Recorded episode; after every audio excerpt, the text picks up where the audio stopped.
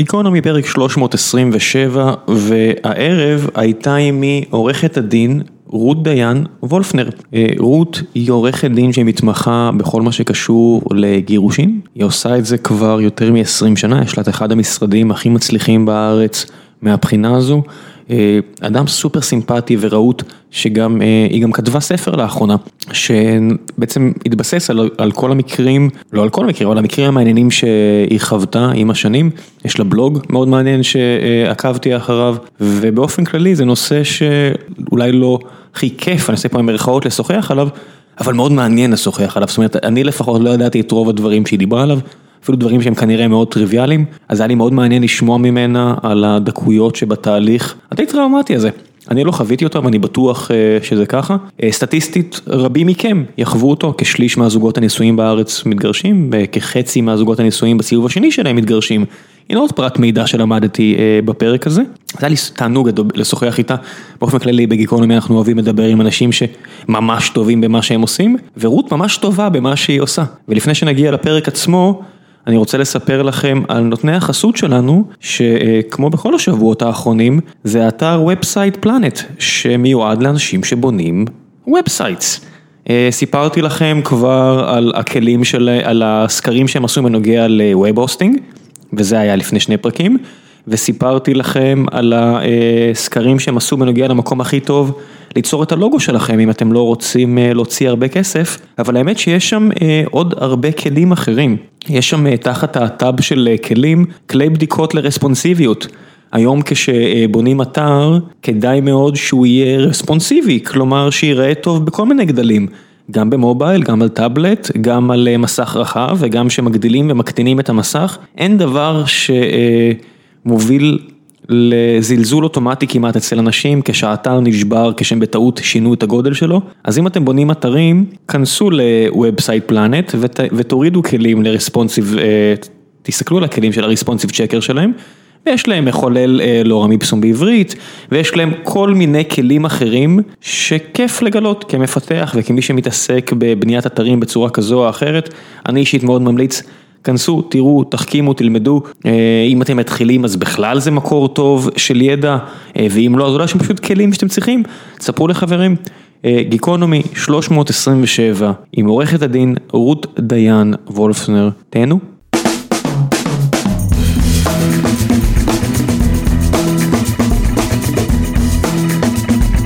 גיקונומי פרק 327 והערב נמצאת עימי אה, עורכת הדין רות דיין וולפנר, מה העניינים? מעולה, מה איתך? אמרתי בסדר? מצוין. אה, אז מה מביא אותנו עד הלום? אמרו לי שאת מספר אחת בתחום שלך. טוב, זה אמרו, אתה יודע, אני לא מעידה על עצמי. למה? למה? אתה יודע, אין הנחתום מעיד על סיטו וכו' וכו'. למה? אבל עורכי דין תמיד נתפס בעיניי כבטח בדיני משפחה או משהו, אתה רוצה את ההרגשה הבטוחה הזאת שאתה מגיע למקום הכי טוב שיש, לא? תראה, אני לא יודעת אם אני מספר אחד, אבל אני בהחלט עומדת בראש אחד המשרדים הגדולים והמובילים בתחום. וזהו, אני לא באה להכתיר את עצמי, המשרד מדורג בדן אנד ברדסטריט, נראה לי שזה מספיק. יש תחרות עיקשת בתחום הזה בארץ? כן. איך זה בא לידי ביטוי? אתה יודע, זה תחום קטן וסגור, אז כמו בכל ענף, כשיש תחום קטן וסגור, אז uh, העומדים uh, בראש הפירמידה קצת נאבקים על המקום, לא הרבה, אבל קצת. את מכירה, את, אני מניח, את כל ה top, לא? ברור. כי את רואה אותם על בסיס יומי מהצד השני של השולחן? נכון, מהצד השני של אולם בית המשפט. כמה מה, מהאירועים האלה של מקרי גירושים בכלל מגיעים לבית משפט? הרבה. באמת? כן, כן, כן, כן. יש לנו היום בארץ חוק שנקרא חוק להסדר התדיינויות במשפחה. לפי הסטטיסטיקה של בתי המשפט, 45% מהתיקים שמתחילים מסתיימים בהסכם, והיתר מגיעים להליכים. זה מאוד שונה מהסטטיסטיקה הרגילה של אה, משפט פלילי בארץ, לא, זאת אומרת אני משווה את זה לפלילי, זה לא פלילי, אבל הרבה, הרבה משפטים בארץ מסתיימים באיזשהו הסדר עוד לפני שהם מגיעים לשופט, לא? כן, אז גם בגירושים הרבה מאוד הסדרים, אה, הרבה מאוד מקרים מסתיימים בהסדר, אבל גם חלק גדול מגיע לבתי משפט, אל תשכח שזה אמוציות. זה בעיקר זה, לא? בדיוק, רק אמוציות מנהלות הליך גירושים, כי אם אתה מנטרל את האמוציה, מגיעים להסכם, לא משנה כמה זה מורכב. אבל כשצד אחד מונע מאמוציות, לא צריך אפילו ששני הצדדים ינועו מאמוציות, וזה מגיע למלחמה. עכשיו, גם מלחמה, אתה יודע, זה מגיע לבית משפט, יש כאלה שמסיימים אחרי הדיון הראשון, אולי עשרה אחוז מגיעים עד ממש פסק דין, כי גם השופטים לוחצים, וגם באיזשהו שלב בהליך ישנה הבשלה, וכשיש הבשלה חותמים על הסכם. כמה זמן בדרך כלל לוקח הליך כזה? זה מאוד תלוי במקרה. זה יכול לקחת שלוש שנים, זה יכול לקחת חצי שנה. אני יכול לשאול שאלה כבר על ההתחלה אה, בעייתית? תנסה. תגידי לי אם בכלל את יכולה לענות או לא.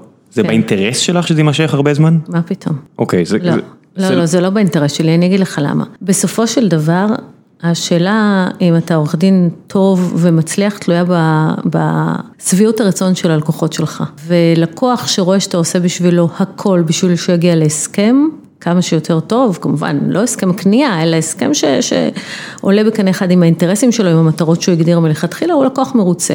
ולקוח מרוצה שולח עוד שניים, ולכן זה ברור שזה באינטרס שלי להגיע. כן, לפי אחוזים של גיר- גירושים בארץ, יש איזה... העוד שניים הזה זה כמעט חוק, חוק טבע שיהיו. נכון. קצת כמו עם הקורונה, אתה יודע.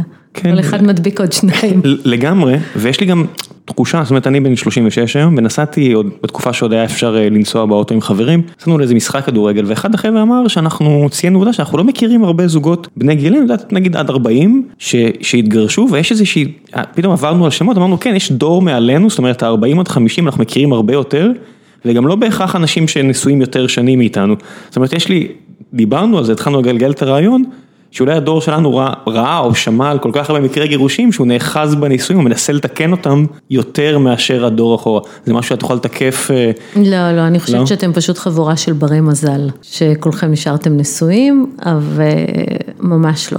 את חושבת שיש בזה הרבה מזל?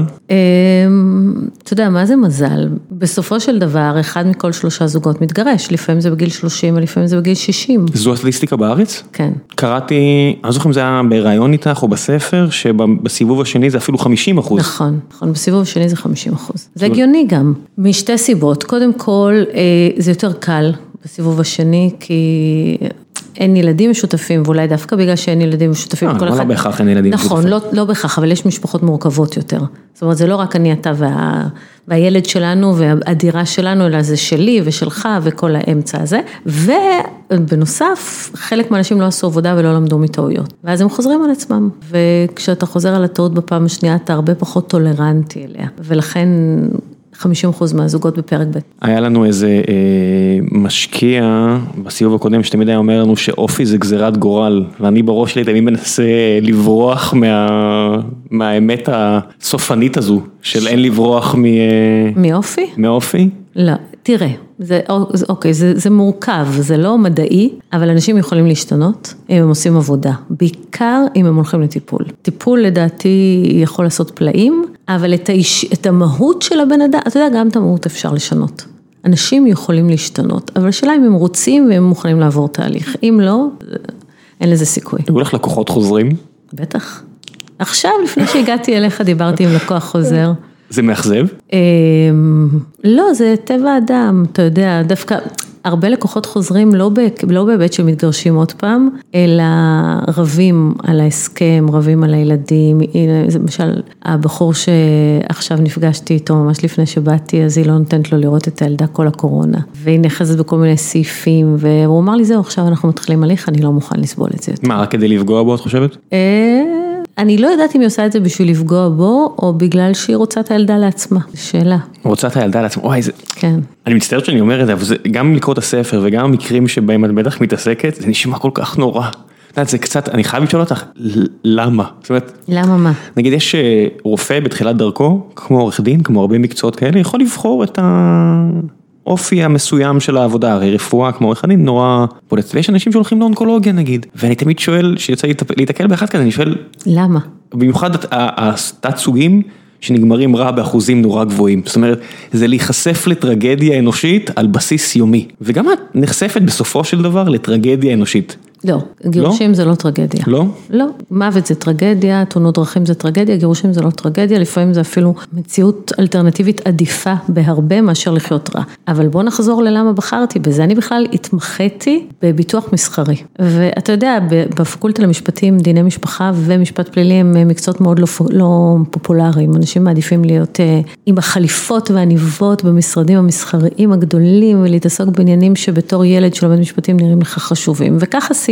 עבדתי במשרד גדול והתמחיתי בביטוח מסחרי, והאמת שאהבתי לעשות את זה, כי כנראה כל דבר שקשור לעריכת דין אני אה, טובה בו ואוהבת אותו. ואז בשנה ד' למדתי איזשהו קורס על צווי מניעה ודיברו שם על אה, פסקי דין על ילדים. על חטיפות ילדים, ואני ישבתי פעורת עיניים, ובאותו רגע ידעתי שזה מה שאני רוצה לעשות. ועברו... את זוכרת למה? את הרציונל? זה, זה עניין אותי, ועברו 23 שנה, ואני יכולה להגיד לך שאני מודה כל יום לבחירה שלי, מהרבה מאוד סיבות, אבל בעיקר כי אני מתעסקת עם אנשים.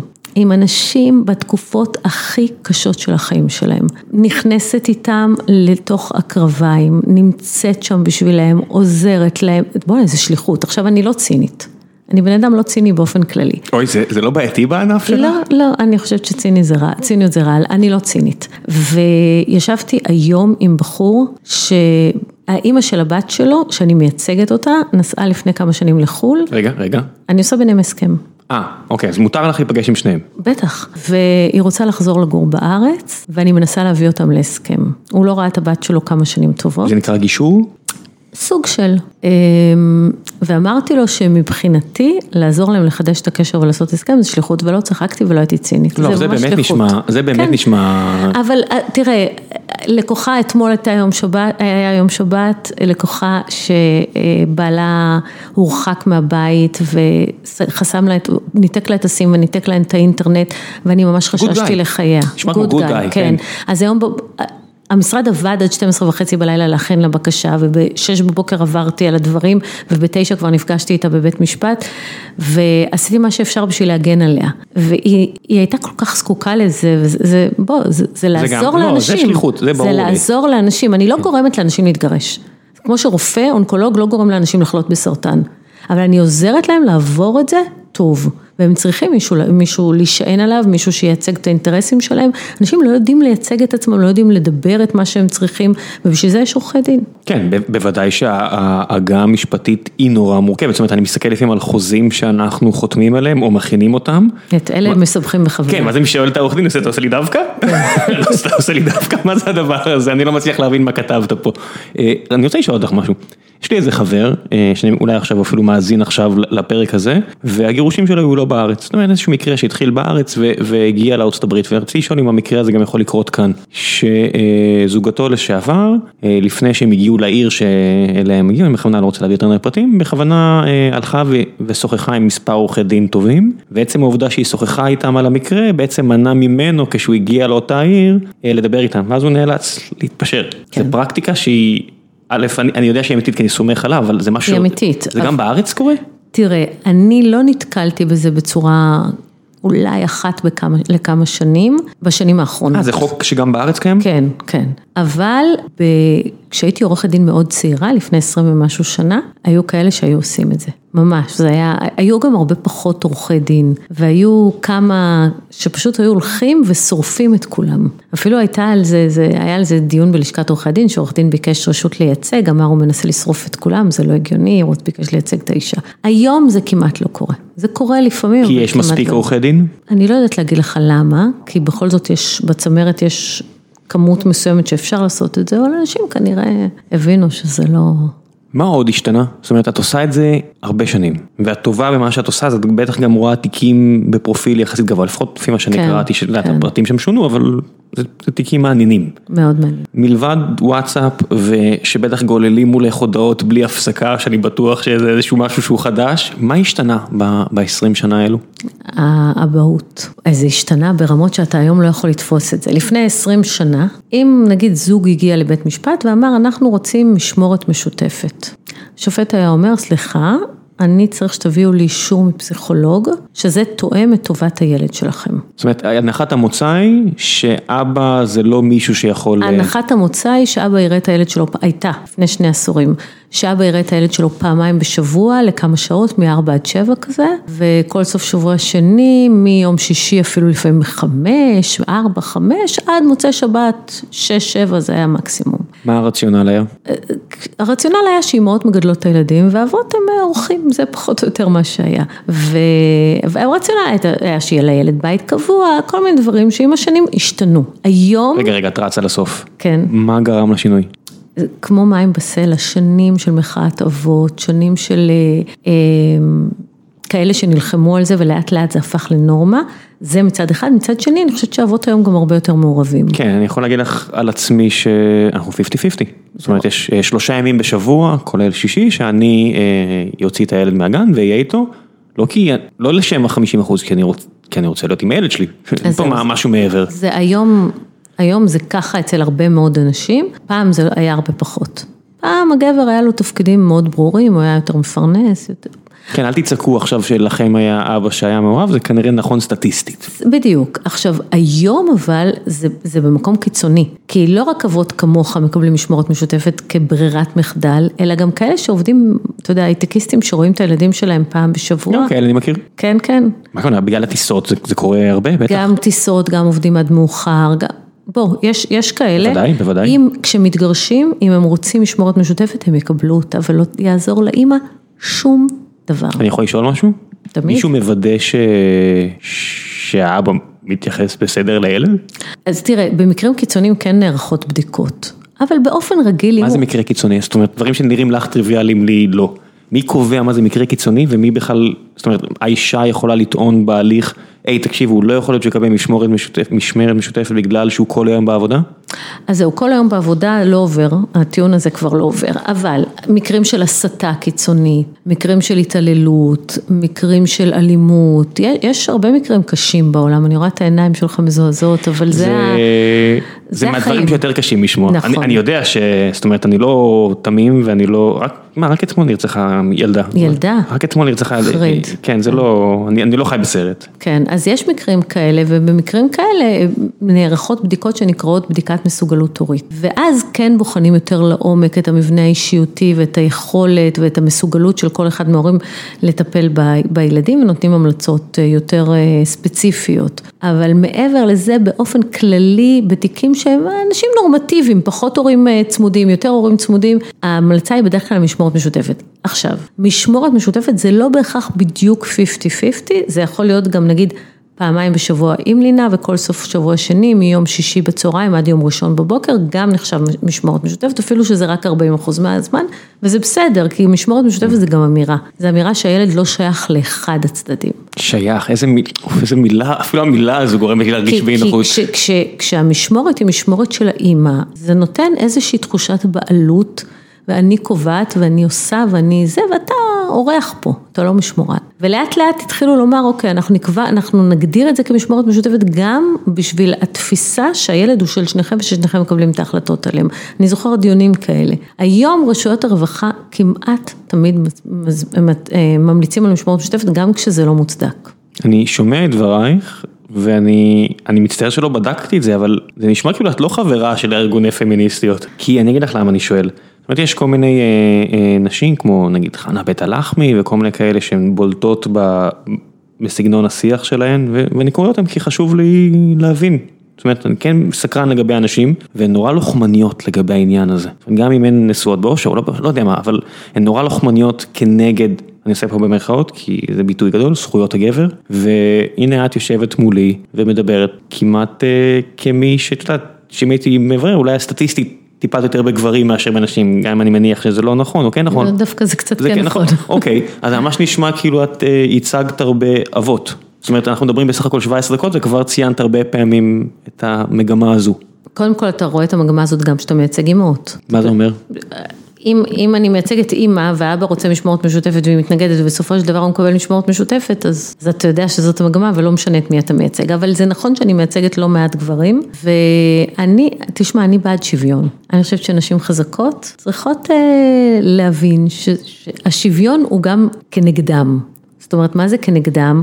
אתה יודע, השוויון בעיקר היום הוא בתחום המזונות. אה, בית המשפט העליון קבע שהמזונות הם לא מוטלים על האבא בלבד, להרבה נשים היה מאוד קשה לקבל את זה. אני חושבת שזה דבר נכון. רגע, רגע, אה, זאת אומרת, לא יודע, אני נגיד גדלתי בבית שאימי הרוויחה יותר מאבי. אה, אני מניח שזה לא, אני יודע שזה נדיר, אני מניח שזה לא כזה נדיר. אה, גם בסיטואציה הזו עדיין האב משלם מזונות הפוך? עד, עד, עד המהפכה שבית המשפט העליון, בעם 919 אנחנו קוראים לו, קבע שחיוב האב במזונות הוא אפליה על רקע מגדרי. מתי זה קרה? ב-2017. אה, זה ממש עכשיו. כן, עד אז, וזה גם רק מגיל 6, עד אז האב שילם מזונות, לא משנה מה, כי מן הסתם המזונות אה, חויבו לפי ההלכה היהודית, ולפי ההלכה היהודית המזונות חלים על האב. אוי, זה חשוך זה. כן. לא יודע, אני... זה אני... לא כל כך חשוך לתקופה שבה ההלכה היהודית אה, בעצם נוצרה. שאז באמת האב היה מפרנס והאמא גידלה את הילדים. זה שבתי המשפט לענייני משפחה בישראל בשנות האלפיים עדיין המשיכו עם זה, זה חשוך. תשמעי, אני, אני לא יודע, אני ב-2015-2016, לא יודע, עבדתי, אה, אני מניח יחסית בכיר בבנק לאומי, ומעליי היה את רקפת ואת אה, תמר, שלפחות לפי פרסומים זרים, תסתכלי, המשכורת שלהם די סבבה. כן, לא רע. לא רע, אה, גם אחרי ההפחתה, זאת אומרת, הם כבר עזבו שתיהן מאז את הבנק, אבל... רגע, אבל, אבל בוא לא נלך כן. לקיצוניות. אם אתה מסתכל באופן סטטיסטי, עדיין נשים בוודאי. מרוויחות פחות מגברים. יש את העניין הזה של ה-73 סנט על הדולר, כל הדברים כן, האלו, שהוא, כן. זה, זה מייצג סטטיסטית, בוא לא ניכנס להסברים. כן. הרבה מאוד נשים פחות משתכרות פחות מגברים. אבל בוודאי. האבסורד היה שגם אם משתכרים אותו דבר. ונמצאים במשמורת משותפת, עדיין היה איזשהו סכום שעבר ממנו אליה, בלי שום סיבה. כן, אני יכול להבין למה זה מכעיס גברים. זה מכעיס. לא רק שזה מכעיס, זה גם הורס יחסים. כי יש משהו, כן. תחשוב לאורך שנים, 10, 15 שנה, כל חודש הוא מוציא כסף ומעביר אליה. והוא יודע שהיא לא צריכה. לא, זה, זה, הנק... זה הנקודה, היודע שהיא לא צריכה, או לחילופין, אה, מה זה לא צריכה? כולם, מה זה כולם? הרוב המוחלט צריכים, אם אפשר לקבל יותר לא, כסף, צריך. לא, לא, לא, לא, אני לא, לא מדברת על כאלה שצריכות, שזה לא פייר. שמרוויחות הרבה כן. פחות, בוא נדבר על שזה, לא פייר, אני כן. מדברת על כאלה שמרוויחות יותר.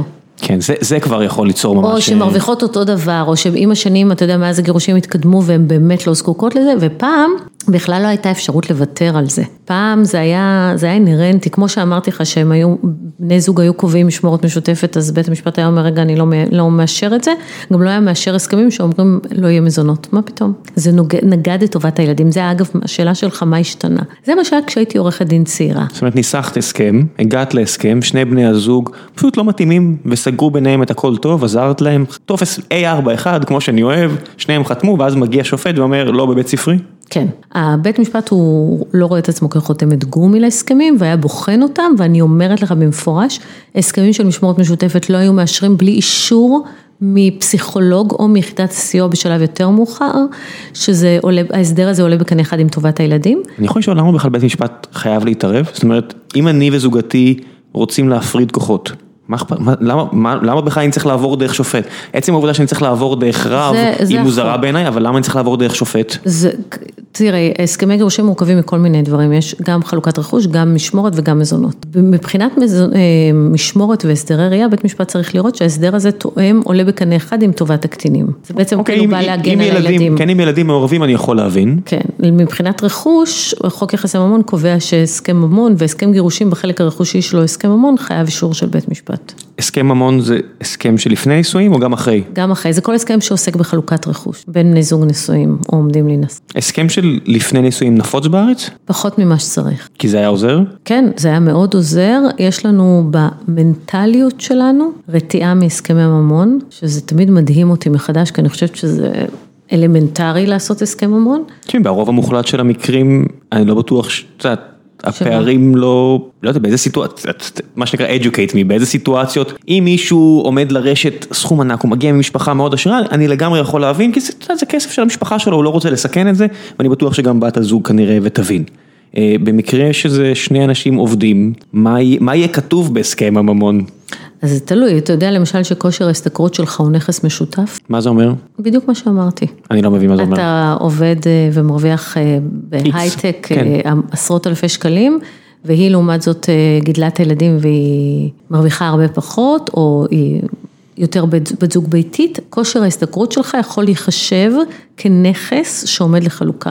ואפשר להעריך את שוויו. לעד? אה, לא, יש, יש נוסחאות. נוסחאות שמחשבים אותן נכון למועד הגירושים, אבל זה נכס. הזכויות הסוציאליות, הפנסיות, הכל, הכל מתחלק חצי חצי.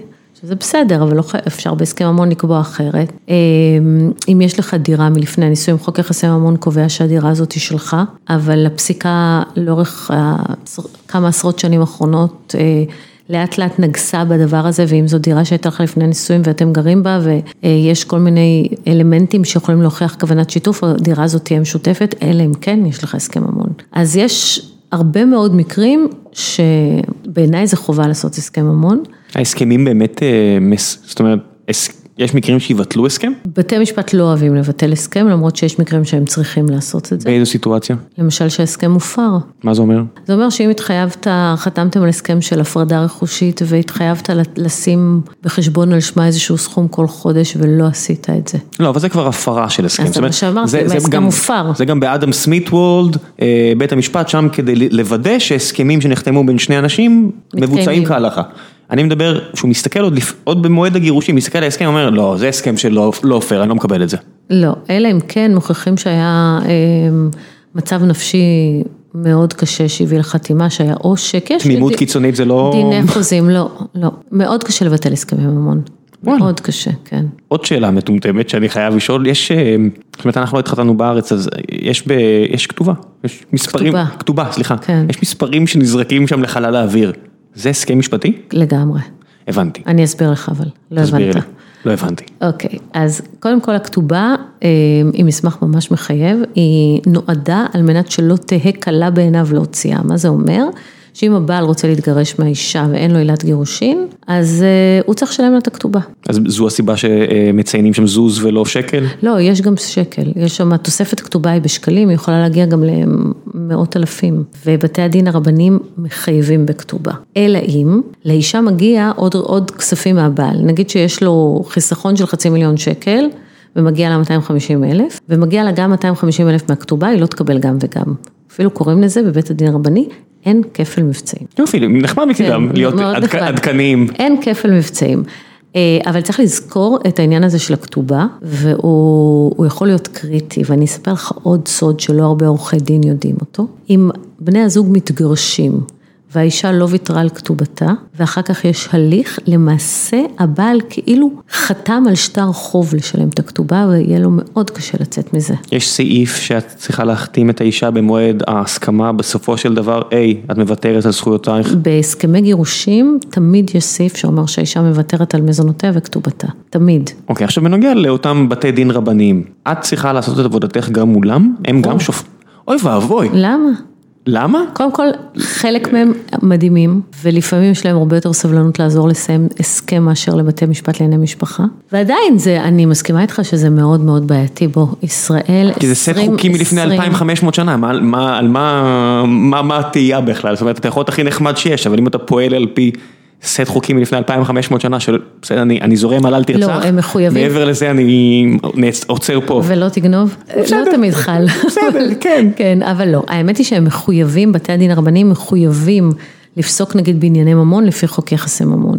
הם לא יכולים לפסוק לפי ההלכה, אלא אם כן יש הסכמה של שני הצדדים, ועדיין יש הבדלים מהותיים בין שתי ערכאות, ועצם העובדה שבמדינה מתוקנת, אם רצת מספיק מהר ותפסת סמכות ברבני, בית הדין הרבני, שלושה דיינים, חמורי סבר, חרדים, מקבלים החלטה על איך יראו החיים שלך, איך תראה, איך... כל תמונת העתיד שלך, כשאתה לא דתי, לא קשור לזה ולא מעוניין בזה, יש בזה קושי. גם אם התחתנת בחו"ל, זה הבנתי לא, ש... לא, לא, תראה, התחתנת בחו"ל, אתה מתכוון, התחתנת בנישואים אזרחיים. כן. אז אין לך כתובה קודם כל. לא, אין. אין לך. אז קודם כל נישואים אזרחיים אין כתובה, ונישואים אזרחיים, הם מתייחסים לזה הרבה פחות, למרות שעדיין הם יכולים לקבוע שיש להם סמכות, זה בעייתי קצת. ובשביל זה אפשר לעשות הסכם המון. טוב, אצלי בינדר דנדט, אנחנו כבר... too late. too late, הרכבת הזו חלפה, עכשיו צריך לשמור על מערכת יחסים תקינה ולחיות ביחד עד שאחד מאיתנו דוחף חרציות, או איך שלא קוראים לביטוי הזה, pushing daisies. אז אני, אני, יש לי, וואי, יש לי הרבה דברים שאני רוצה לשאול אותך. את עדיין אופטימית אחרי כל כך הרבה שנים על מערכות יחסים? אני יודע שאת התגרשת להתחתן מחדש, אבל את רואה בטח כל כך הרבה התנהגויות קטנוניות ונוראיות, שבטח לקוחות שבא לך לחנוק אותם, אה, מה לעשות? את עדיין אופטימית לגבי טיב האדם ומערכות יחסים? ברור, תראה, קודם כל יש הרבה יותר אנשים נורמליים מלא נורמליים. באמת? כן, כן, יש הרבה יותר אנשים נורמליים מלא נורמליים, וגם כשאתה רואה את כל הזוועות האלה, אתה מגיע הביתה ואתה לומד להעריך. טוב, אני יכול להבין את זה, כי... לגמרי, אתה אומר, איזה כיף, איזה בעל נורמלי יש לי וחמוד והכל טוב. את רואה את התהליך, את יודעת כבר לזהות את ההידרדרות? זאת אומרת שמגיע אלייך בן אדם, הוא בטח נורא עצבני או עצבנית, ואת רואה לאיפה זה עכשיו הולך להגיע בשנה הקרובה, בחצי שנה הקרובה, ואת מתחילה להכין גם את הקרקע ל... לא בהכרח, תראה, אנשים מגיעים, באמת, יש איזה טריגר שמביא אנשים לקבוע פגישה במשרד עורכי דין. מתי קובעים? רגע, מתי, מתי רואים עורכי דין? לפעמים לפני שמחליטים להתגרש אפילו. מפתיעים את בן או בת הזוג, תקשיבי, דרך אגב, כבר ראיתי עורכת דין. לא, לא, בגלל מרוץ הסמכויות לא אומרים את זה. זאת אומרת, יכול מאוד להיות שאשתך ראתה, פגשה עורך דין או עורכת דין וקיבלה ייעוץ משפטי ואתה לא תדע מזה לעולם. כי אסור? לא, לא כי אסור, בוא, טוב, אם, אם אתה יודע שאשתך הלכה לייעוץ משפטי בעניין גירושים, אז זה כבר Game Changer, נכון? לא, אני ביני לבינה. באופן כללי, בנישואים שלכם. כן, אבל לא מבחינת החוק. לא, לא, מבחינת החוק אין עם זה 아, בעיה. מבחינת מערכת יחסים כן, זה יכול כן. ממש לבאס את היום. וגם בגלל שיש מרוץ סמכויות, וחשוב... אני לא יודע מה זה אומר. מרוץ סמכויות זה בית הדין הרבני או בית משפט לענייני משפחה. מה זה אומר? זה אומר שמי שמגיש ראשון, מי שלמעשה, נקרא לזה בלשון יומיומית, מי שפותח תיק ראשון, הוא זה שקובע איפה התיק יתנהל, בבית הדין הרבני או בבית משפט לענייני משפחה. הייתי, הייתי תחת הרושם שזה חייב להתנהל בשניהם. לא, ממש לא. הגירושים עצמם, הגט הוא רק בבית הדין הרבני, אבל כל השאר יכול להתנהל או פה או פה. עכשיו, יש לזה המון השלכות, זה אסטרטגיה שלמה, ובכל תיק אנחנו יודעים איפה היינו מנהלים אותו, איפה עדיף ללקוח, לאינטרסים של הלקוח לנהל אותו. ואז אתה מחליט איפה אתה מגיש, איפה אתה פותח את התיק. עכשיו, אם אתה רוצה את היתרון הזה, אתה לא יכול להגיד לבן הזוג שלך שהחלטת להתגרש, כי הוא יכול לרוץ ולפתוח את התיק, ואז להשיג את היתרון הזה על פניך. זה הטרגדיה האמיתית של דיני המשפחה במדינת ישראל. המרוץ סמכויות הזה. זה אפילו לא תורת המשחקים, כי זה נורא straight forward. כן. אתה צריך, אתה יודע מה אתה צריך לעשות, והשחקן השני בכלל לא רלוונטי כאן. לא, אין לו מושג, בחלק מהמקרים. ואחר כך זה גם, טוב, זה, זה מורכב, אני לא בטוחה שכדאי להיכנס לזה עכשיו, אבל זה, ש... בעצם היינו בשאלה, מתי באים לעורך, אז כן. תמיד יש איזשהו טריגר, כי לבוא לייעוץ משפטי במשרד עורכי דין זה, זה תהליך, המון אנשים מתקשרים, קובעים ומבטלים ופתאום הכל בסדר, זה, וזה זה, קשה. זה החלטה גורלית. החלטה לא פשוטה, אפילו אם אתה לא מחליט שום דבר, לפעמים באים אומרים לי, אני באתי רק לשמוע מה הזכויות שלי, אני לא רוצה להתגרש עדיין, אני לא זה, אבל עצם ההחלטה ללכת ולשים את עצמך לפני, בייעוץ משפטי, לא פשוט. והרבה פעמים זה תולדה של איזו מריבה היסטרית, ואחר כך הם מתחרטים וחוזרים, אז לא תמיד אני יכולה לצפות את זה. זאת אומרת, יש תיקים שחוזרים לשלום בית אפילו שהם כבר התחילו הליך, ואמרו אוקיי, אוקיי, פוס, בוא נעצור וננסה שוב פעם. מה קרה בזמן, בחודשיים האחרונים? אצל מי? אצלך, זאת אומרת, אנשים עלו... אצלי הכל טוב, אבל... אצלך סבבה, אבל הרי שהתחיל הסיפור הזה ואנשים... התבקשו להישאר במגוריהם ולא לעשות יותר מדי תזוזות. היו כאלה שעברו את זה בתור גיהנום. אני בטוח, ונניח והחליטו להתגרש בפרק הזמן הזה, אז מה, נכנסים לחדר, סוגרים את הדלת ומתקשרים אלייך? הרי הם לא יכולים להגיע לדבר איתך, ואני בטוח שהייתה לך עבודה בתקופה הזו. אז, אז יש קודם כל, כן, עשיתי המון פגישות טלפוניות ובזום, בוואטסאפ וידאו, ואז קלטתי שממש צריך את זה, וגם הפקתי שירות של ייעוץ במייל, שאני שולחת שאלון, אנשים כותבים לי ואני שולחת להם את כל הייעוץ במייל, בלי להחליף את המילה, ולא מעט אנשים השתמשו בשירות הזה. זה נשמע כמו אחלה שירות גם לאבא. נכון. את הולכת להמשיך עם זה? כן, הוא נמצא, אבל היום אנשים, אנשים מעדיפים לבוא ולשמוע, כי היתרון של פגישה זה שאתה יכול לשאול שאלות. ונראה לי ללכלך על בן או בת הזוג, זה נראה לי בטח ספורט לאומי של אנשים, לא? לא, לא, הם פשוט חייבים לספר את כל הסיפור ועושים את זה גם בכתב. זה סיפורים ארוכים? כן, תראה, אם אתה, אני מזמינה אותך וגם את כל מי ששומע להיכנס לבלוג שלי. או לקרוא את הספר. אז כן, הספר הוא תולדה של הבלוג, אבל כן. הבלוג ממשיך. כל שבוע ביום שבת, שלושה סיפורים מהשבוע החולף. ותמיד יש סיפורים מטורפים. כל לי... שבוע אני שומעת סיפורים שאני אומרת, אני לא מאמינה שזה, אני לא, לא מאמינה שאני שומעת את זה. תני לי דוגמה למשהו שלא יבאס יותר מדי את האוזן, אבל עדיין יהיה מספיק פיקנטי. לא אלימות בבקשה. לא אלימות, לפחות לא אלימות אוקיי, פיזית, כן. אוקיי, אז אני אספר לך על המהנדסת, שבעלה לא... נגע בה שנים ארוכות. הפסיקו לקיים יחסי מין. זהו, אני לא יודעת באיזה רמה, מי מקשיב לה.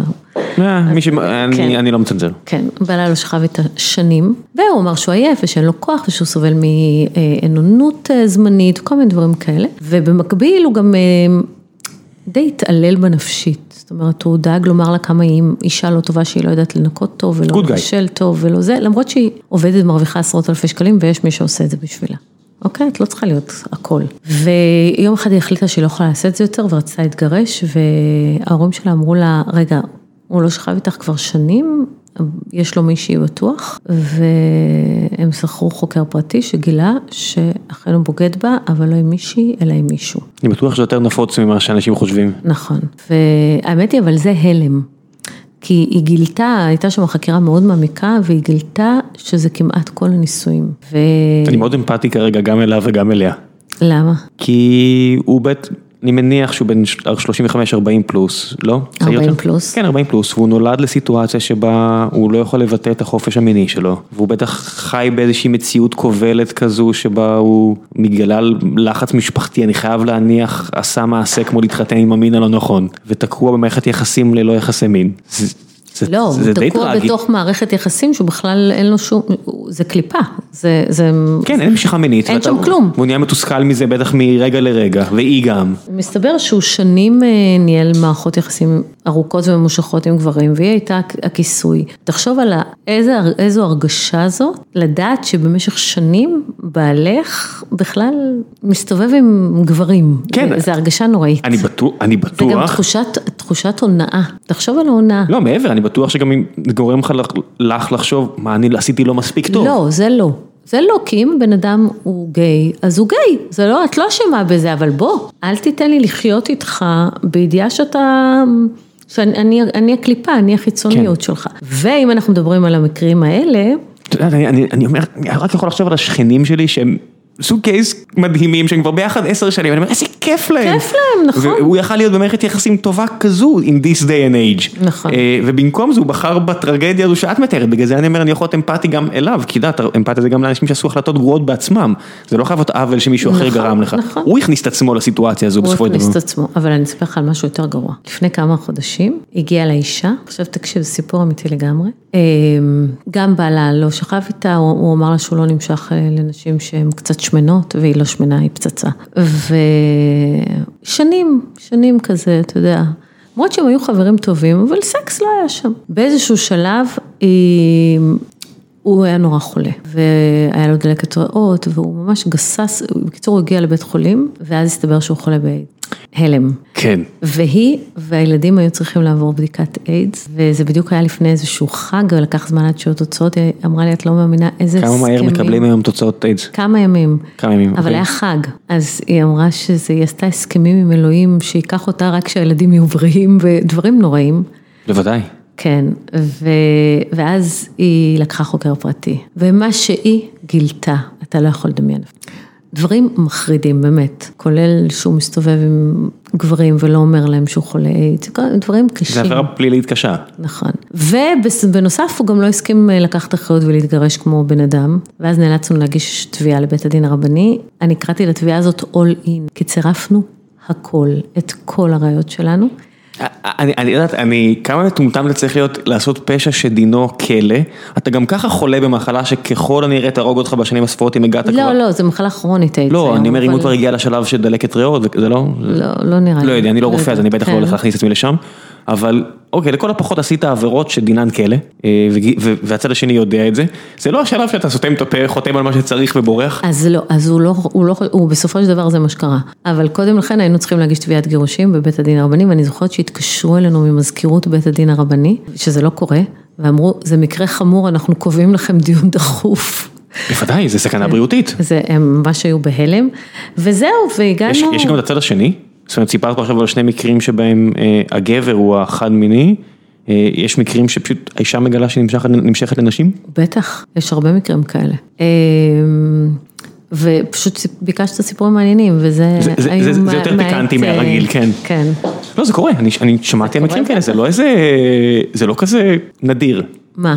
זאת אומרת, אני, זה, זה כן נדיר בשכבת הגיל שלי שזה קורה אחרי נישואים, זה קורה הרבה פעמים לפני נישואים, הרי אנשים מגלים את המיניות שלהם זה גם בסדר. בגיל מאוחר הרבה פעמים. תשמע, זה בסדר שאם אתה מגלה שאתה נמשך לגברים, ולפני זה לא ידעת את זה, היה לי גם תיק כזה, תקום ותעזוב. תקום, תעזוב, ת, תהיה הוגן, תגיד, אני, תקשיבי. היה לי לפני המון המון שנים לקוח מאוד אהוב, שהוא הלך למילואים והוא גילה שהוא אוהב גברים. יש לי מלא בדיחות שאני מצנזר עכשיו. אני רואה לפי פרצוף שלך. אין מה לעשות, אני, אני שירתי במקום שאתה נכנס למקלחות, אין מה לעשות. ו... ורואים? זה, לא, רואים? אתה מסתכל, אתה אומר, או, האמת שאני מחבב את מה שאני רואה פה. זה ההבדל, אנחנו מטומטמים, על זה אנחנו צוחקים גם 20 שנה אחרי, אין מה לעשות. זה זה, זה, זה בא עם חלק מהכרומוזומים האלה, את יודעת, אין מה לעשות. טוב, אני, תרשה לי לא להגיב. וכן, אבל בוא, אתה גילית שאתה נמשך כן, לגברים, כן. תתגרש. בוודאי. אז זה, זה בסדר, זה לגיטימי לגמרי. לא, אלא אם כן הם רוצים להמשיך לחיות ביחד כשותפים. להמשיך לחיות ביחד 15 שנה שהיא לא יודעת, אם היא יודעת זה בסדר. כן, החלק של העונה זה הבעייתי. תן לה את כן. האפשרות לקבל החלטה. החלק של העונה הרי, זה, זה, זה הבעיה, אני מניח שגם ברוב תביעות הגירושין זה בעצם, זאת אומרת גם בבגידה הרי אני מניח שהחיים בשקר זה הדבר הכי, אה, ישבה פה לפני שנה שנתיים אה, חוקרת של פסיכופתיה, זאת אומרת פסיכולוגיה, דוקטור לפסיכולוגיה, והיא אמרה שרוב הפסיכופטים הם לא רוצחים, לא, זה אנשים שפשוט משקרים בצורה כרונית וזה לא, ואין להם בעיה לעשות את זה, אז הרבה פעמים זה גברים בוגדים. שאת רואה שהם בקלות. וגם נשים בוגדות. כן, בוודאי. אה, כן, לא יודע למה. פסיכופתיה, זה, אני לא בטוחה שזה לא רק היכולת לשקר. בוודאי שלא. זה גם כן. חוסר אמפתיה למצוקה של בן אדם אחר. כן, זה, זה בעיקר זה. ואני רואה את זה. רואה אנשים, פסיכופטים שמתגרשים, או נרקסיסטים, וואו, זה קשה, זה גירושים קשים. היו לך לקוחות שאמרת, אני לא רוצה לעבוד עם, ה, עם הדוד הזה? כן. ועשית משהו בנידון או שאסור או שלא עושים? לא, קודם כל אני לא חייבת לקבל כל תיק. לא, אני אומר, במהלך התיק אמרת, וואו, הוא הולך למקומות אפלים, כן, ואני כן, פשוט לא כן, רוצה להתעסק עם זה. לא, גם יש כאלה שאני אומרת להם, אם זה הכיוון, אני לא מייצגת יותר. תראה, זה תחום שהוא מאוד מאוד אישי, אז אתה חייב שיהיה כימיה עם הלקוח. ואם אין כימיה, זה לא מגיע למקום טוב. נפרדות דרכנו. את צריכה לעשות לו שיחת breakup? כן. זה מותר? זה בסדר? זה מותר, כן, אם אין עניינים כספיים, אז כן. יש כאלה שאני מוכנה להחזיר להם כסף, שילכו. את מחויבת להביא לו, קח מספר של ההוא וההוא, תלך אליו. כן, כן, כן, אני לא, אנשים שהם הולכים למקומות קיצוניים, אני לא, לא מטפלת. אני מניח שיש גם, זאת אומרת, מה שאני אוהב בתחום העיסוק שלי, אני מודה, זה שאני לא צריך להתעסק עם עבריינים, זה חלק מהדברים, לא הדבר שאני אוהב, אבל אני מאוד, אני מאוד אוהב את החלק הזה בעבודה שלי, שאני לא מתעסק עם אנשים אלימים ולא מתעסק עם אנשים שמבחינתם החוק אה, הוא המלצה בלבד. ובמקרה שלך, יש לי הרגשה שזה לא כך. לא, לא נכון. אני גם לא מתעסקת. מה זה לא נכון? לא, לא אה, מתבחירה. עם, כן, כן, לא מייצגת עבריינים כמעט בכלל. אבל זה יכול לקרות. אם אני ארצה. או, יותר גרוע, נגד עבריינים. גם את זה אני משתדלת לא לעשות. כן, זה פשוט נראה לי החלטה לא טובה, לא עבורך. לא, לא. כי הרי היו מקרים שעורכות דין, אה, עורכי דין הסתבכו בגלל שהם ייצגו את הצד השני, לא? לא. זכור לי בראש שזה משהו כזה מעורפל. לא, אני חושבת בפלילי, לא בתחום שלי. כן, לא יודע, אנשים שבוחרים, אנשים נורמטיביים שבוחרים מיוזמתם לעבוד עם עבריינים אלימים, זה תמיד נראה לי כזו... תשמע, הם גם זקוקים להגנה, ועורכי דין פליליים, זאת העבודה שלהם. שיהיה לבריאות, אבל אתה צריך כן. עדיין לבחור לעשות את זה, זה לא חייל קרבי שאתה... אני לא, אני לא מבקרת, כי כמו שאתה... בוודאי שלא, אני עושה את זה, לא את. אבל בתחילת הזה אתה גם הזדעזעת מהעבודה שלי. אני לא הזדעזעתי מהעבודה שלך, למה, למה, למה? אז אותו דבר, אתה יודע. אבל הסברת יפה, אמ-, אמרת, את יודעת, אני אני אוסרת, אני מגשרת, יש מקרים שאני מצילה מישהי ממצב של אלימות, את יודעת, זה...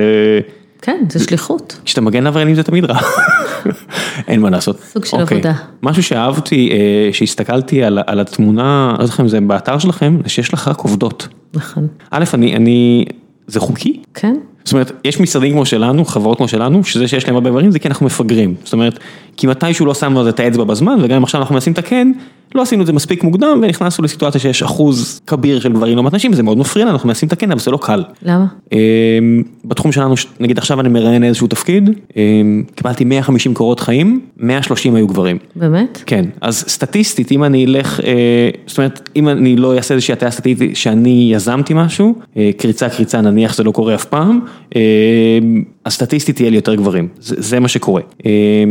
בתחום שלי זה הפוך. אוקיי, תספרי לי. סטטיסטית יש יותר נשים. אבל עדיין, אם יש רק נשים, וראיתי בתמונה שיש רק נשים... אז לא, תשמע, קודם כל לפני כמה חודשים, אפילו ארבעה חודשים נראה לי, עבד אצלי גבר. זה לא בחירה על רקע, אז אין פה אפליה מגדרית. עבד גבר, הוא פשוט לא התאים, לא הסתדר, לא, לא אני יכול לתאר את זה בסביבה מאוד נשית. לא, זה לא יתאים לכולם. נכון, זה לא פשוט, אבל... כמו שאצלנו לצד השני זה יהיה לא פשוט. נכון, נכון. וצריך לעשות מאמץ מיוחד כדי להפוך את זה ליותר אה, נוח למגדר השני. אז אני לא מתאמצת במיוחד. אז אנחנו חייבים, כן. אתם כן, אבל אני אסביר לך. אני חושבת, קודם כל בתחום דיני משפחה יש יותר עורכות דין. עורכי דין, אה, רובם, אם הם באים לתחום דיני משפחה, הם רוצים לפתוח משרד בשבילם ולא לעבוד כשכירים. אבל אתה צריך להתחיל כשכיר, לא? כן, בסדר, אז יש, אבל לא הרבה. עורכי הדין הגברים מעדיפים את התחומים היותר מסחריים, יש פחות גברים לדעתי, וחוץ מזה שבעיניי נשים יש להם אינטליגנציה רגשית יותר גבוהה, שמאפשרת להם להיות יותר אמפתיות. היה לי למשל לקוח, ש... לקוח, עורך דין שעבד אצלי לפני, יודעת מה, איזה חמש-שש שנים, וביום הראשון הוא אמר אה, על הלקוחה, אני לא יכול לסבול אותה, היא מחולת נפש, היא מדברת שטויות, ואני אמרתי לו, מה זאת אומרת, היא לקוחה שלנו, אתה, אתה לא תדבר עליה ככה. באופן כללי חולת נפש להגיד על מישהו זה קצת בעייתי. אה, לא, יש, יש, לפעמים זה נכון, אבל היא עדיין לקוחה כן. שלך ואתה צריך להיות אמפתי אליה ולשבת איתה. וזה המחיש את, ה, את הפערים בין ההכלה הנשית לגברית. אה, דרך אגב, הוא התפטר אחרי חודש. אני יכול לתאר שזה חוסר התאמה. כן, כן, כן, זה קשה. אנחנו, את יודעת, אני מראיין כל הזמן, אני תמיד אומר את האמונה שלנו של... hire slow, fire fast. כן. זאת אומרת, האקט של הפיטורים הוא אקט מבאס מאוד, ואני מאוד מנסה להגיע למצב שאני מצמצם אותו, ואני מוכן גם להקריב בכך שאני אעשה עוד אקסטרה ריאיון, כדי לנסות למצוא התאמה. זה לא טוב או רע, אני, יודעת, אני אומר את זה וזה לא קלישאה, זה לא טוב או רע, זה התאמה. ואתה חושב, אתה מצליח? עובדתית לא, עובדתית יצא לנו פה לפטר לא מעט אנשים. מאוד קשה לדעתי, כן. כמעט אי אפשר לצפות, אני עושה להם גם מבחנים, נותנת להם לכתוב. גם אנחנו. אי אפשר לצפות את היכולת של האדם להיות עורך דין טוב, אני לא יודעת מה אצלכם טוב. זה סיים, סיים, משנה, טוב טכנית נקרא לזה, טוב מקצועית. את האקס פקטור הזה, אתה לא יכול לאתר בריאיון, אתה צריך לתת לו איזה שלושה חודשים לעבוד. ואם אחרי שלושה חודשים הוא לא, הוא לא בכיוון, אז אני מפטרת. אז זה גם, זה גם... אלא אם כן לפעמים זה על התחלה לא בכיוון, ואז אני מפטרת על התחלה. גם זה קרה לנו. כן. אה, למדתי לקבל את זה, זאת אומרת ההרגשה הרעה האישית שלי היא, זה גם עוזר שאנחנו לא קורא פחם, זאת אומרת שאתה משחרר אה, עובדת או עובד, הרבה פעמים היא תמצא עבודה יחסית בדיוק. מהר, אה, ואז אני פחות מרגיש רע עם עצמי, גם זאת אומרת ברמה האישית. וגם יש אנשים, שול... כן, שזה לא ככה, ואז באמת צריך להחשיב יותר, נראה לי כנראה להכניס יותר סוציאל, מחשבה סוציאלית, אצלי פחות. גם אצלי, ואני גם תמיד אומרת להם, מי שלא מתאים למשרד שלי, לא אומר שלא יהיה כוכב במשרד אחר. כן, זה עניין של התאמה. בדיוק, זה סטנדרטים, התאמה, דרישות, אני תמיד אומרת שהמשרד שלי זה כמו קורס טיס, שרק הממש מובחרים נשארים ואחרים עפים בדרך, אין מה לעשות. יש שחיקה של היכולת לגלות אמפתיה? זאת אומרת, רופאים אה, או רופאות, נגיד אמא שלי כבר רופאה 50 שנה, אז היא לא מנתחת, אז היא רק צריכה לעבוד עם בני אדם, אז איפשהו זה, וזה גם לא מקרים קשים, אני אומר, אונקולוגים ומנתחים, אני לא מאמין שמישהי שמטפלת במקרה סרטן קשים, לא משהו התקשה בה עם השנים, זאת אומרת, אור נהיה קשה, אין מה לעשות, ככה זה. אצל עורכת דין כמוך זה גם ככה? תראה, אתה פחות מזועזע היום מכל דבר, פחות מזועזע. אלימות, אלימות פיזית לא מזעזעת אותך כבר? מזעזעת אותי. זה עדיין לא, קו שאי אפשר להתרגל לזה. אני לא יכולה, גם, גם נפשית. אני חייבת להגיד לך שמקרים של אלימות פיזית, אני פחות נתקלת בגלל סוג האוכלוסייה שאני מטפלת בה, אבל אלימות נפשית מזעזעת גם. למשל, שהוא לא מדבר איתה, הם חיים באותו בית, הוא לא מסתכל עליה, היא מבשלת והוא לא אוכל מהאוכל שהיא מכינה. אתה מבין את האלימות? בטח שאני מבין. זה אלימות. בטח. יש אלימות והיא מזעזעת אותי, היא עדיין מזעזעת אותי, כן. אבל יש, אתה יודע, יש לקוחות שזקוקים לתשומת לב 24 שעות ביממה, והיום אני מעסיקה מספיק עורכות דין שייתנו להם את זה, ואני לא אצטרך, אני, כי אני לא יכולה לתת את תשומת הלב היומיומית לכולם, אבל בהחלט מאוד מאוד חשוב לי שכל לקוח יקבל תשומת לב כמו שהוא צריך בתקופה הזאת. זה קשה, אני מניח, שמישהו יושב מולך ואת מבינה שהוא היה הצד האלים. לא אלים פיזית, שאז כנראה בטח הרבה יותר קל לך להגיד, תקשיב, לא בא לי לעבוד איתך, אלא קשה. מישהו ש... כן, אני לא לא אברח מזה, אני עשיתי שטויות בחיים שלי, זאת אומרת, אני אני, אני רוצה להאמין שרוב הזמן אני בסדר, אבל כשאני מתעצבן נכנס לריב, אני עושה אקטים של jerk, של piece of shit, אין מה מה לברוח מזה. בתנאים של ריב, אז אני מקווה שכמה שיותר מהר לבקש סליחה ולהתנצל, אבל קורה שריב מוציא ממך התנהגות נלוזה. נכון. ואני אומר לעצמי, בגירושים זה כנראה עשית מספיק התנהגות נלוזה כדי להגיע מצב ש... תקשיב, לא בא לי לחיות איתך יותר. נכון. תיזהר. בוודאי, לשמוע מערכת יחסים זה עבודה. זה אומנות. זה גם וגם, אוקיי? זה סגור. אומנות עם אהבה ובלי אהבה. זאת אומרת, גם להקדיש את האהבה, אבל גם לעשות דברים טכניים, לא יעזור כלום. שאכפת לך, ולעשות את הדברים שאתה יודע שחשובים לה ולא לך. לשלוט במפלצות, כי בסוף כן. יש איזו מפלצת פנימית, שאני מדברת על זה הרבה בספר שלי, שאתה, היא נמצאת אצל כולנו, ברמה כזאת או אחרת. כן, אני משתמש באנלוגיה, קראתי את זה, אני משתמש באנלוגיה של אספסוף של אה, בן אדם אחד, שיש לך בראש פתאום אה, המון שמדליק אותך, ולדעת אה, לכבות את זה איכשהו. זה סוג של מפלצת, תלוי, תלוי כן, מה, תלוי מה מה- אם היא אובססיביות או כן. קנאה או, או זה, וצריך לדעת לאלף אותה. או לחילופין, ללכת למאלף. בדיוק. להבין נכון. שאתה לא מסתדר עם זה, נכון. יש לך בעיית זעם, יש לך בעיית אה, אה, קנאה, שזה גם אלימות בצורה כלשהי. נכון, רכושנות, כן. אה, כל המפלצות האלה, אובססיביות, אחי, אחד הנוראים. כן, ואחרי גיל מסוים אתה צריך להבין שאם אתה לא get it in line בעצמך, אז... דרך אגב, טיפול בעיניי, אני יודעת שהרבה גברים לא חושבים ככה, אבל אני אומרת לך, לא, זה השתנה. לא, לא, זה השתנה. אני, אני אומר, אומר על עצמי שהרבה זמן לא הייתי אה, בעניין, ואשתי ממש אה, אוהבת, אה, ממש בעניין, נקרא לזה ככה. זאת אומרת, היא מאמינה בזה, היא רצתה ללמוד את זה, לומדת את זה, לא משנה. והסיטואציה שפה עם שותף שלי אפילו, נכנסתי למצב שאת יודעת, הטונים עלו, וצעקתי עליו וכאלה, אמרתי, טוב, אני חייב לטפל בזה. זאת אומרת, זה מגיע למקום לא טוב. אז הלכתי לטיפול. אין, טיפול זה מתנה, כן. אם אדם יכול... אפילו שכרנו מישהו לו- שמלווה אותנו כל הזמן. וואלה, שהוא פסיכולוג קליני. מדהים, אבל זה לא טיפול.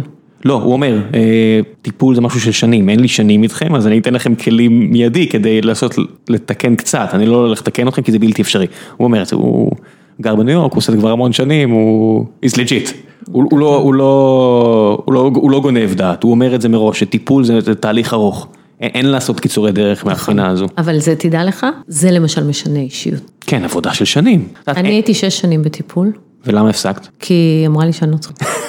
היא אמרה כל לי, הכבוד לה. שנה לפני, היא אמרה לי, טוב, נראה לי שהגענו למיצוי, ואמרתי לה, לא, אני רוצה עוד שנה, אני רוצה עוד, לא ידעתי שזה ייקח עוד שנה, לקח עוד שנה, וזה אחת המתנות הכי מדהימות שנתתי לעצמי, בחיים. פעם בשבוע, שש שנים. לא, אה, באיזשהו שלב זה היה פעם בשבועיים, פעם בחודש, זה הלך והתמעט, אבל זה היה מדהים. מדהים, מדהים, מדהים.